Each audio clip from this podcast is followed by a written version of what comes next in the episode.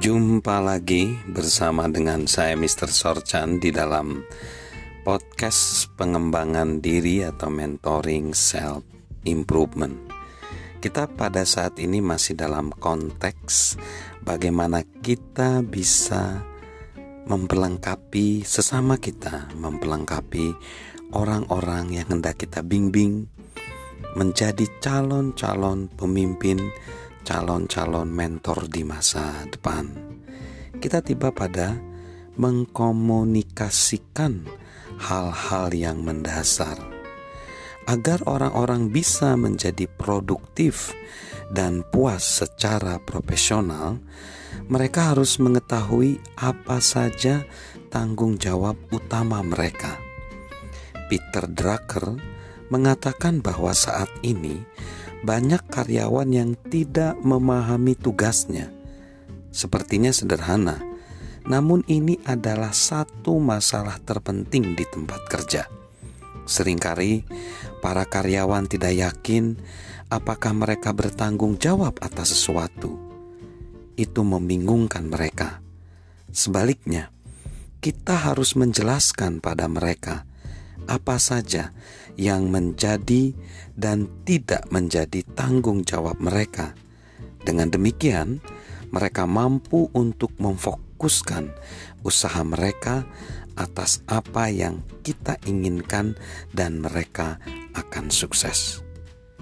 Lihatlah bagaimana sebuah tim basket bekerja. Masing-masing dari kelima pemain itu memiliki tugasnya sendiri-sendiri. Ada shooting guard, penembak utama, yang tugasnya mencetak gol. Ada point guard, pengumpan, yang tugasnya mengoper bola pada orang yang bisa mencetak gol. Pemain lain adalah seorang power forward di posisi bertahan yang diharapkan untuk memperoleh rebound atau bola pantul. Tugas seorang penyerang adalah mencetak gol. Itu tugas kecil. Pemain tengah seharusnya melakukan rebound, menghalangi serangan dan mencetak gol. Masing-masing orang di dalam tim itu mengetahui apa pekerjaannya dan apa seharusnya kontribusi uniknya pada tim itu. Ketika setiap pemain berkonsentrasi pada tanggung jawab khususnya, tim itu bisa menang. Satu dari cara terbaik untuk menjelaskan hal itu adalah dengan menyediakan deskripsi kerja pada orang-orang kita. Di dalam deskripsi itu, jelaskan empat hingga enam tugas utama yang Anda ingin orang itu lakukan. Jangan membuat daftar yang panjang. Jika pekerjaan itu tidak bisa disimpulkan, pekerjaan itu mungkin terlalu luas. Berusahalah juga untuk menjelaskan otoritas apa yang mereka miliki, ukuran dari prestasi kerja mereka atas setiap pekerjaan yang mereka lakukan, dan otoritas apa yang ada di dalam perusahaan itu.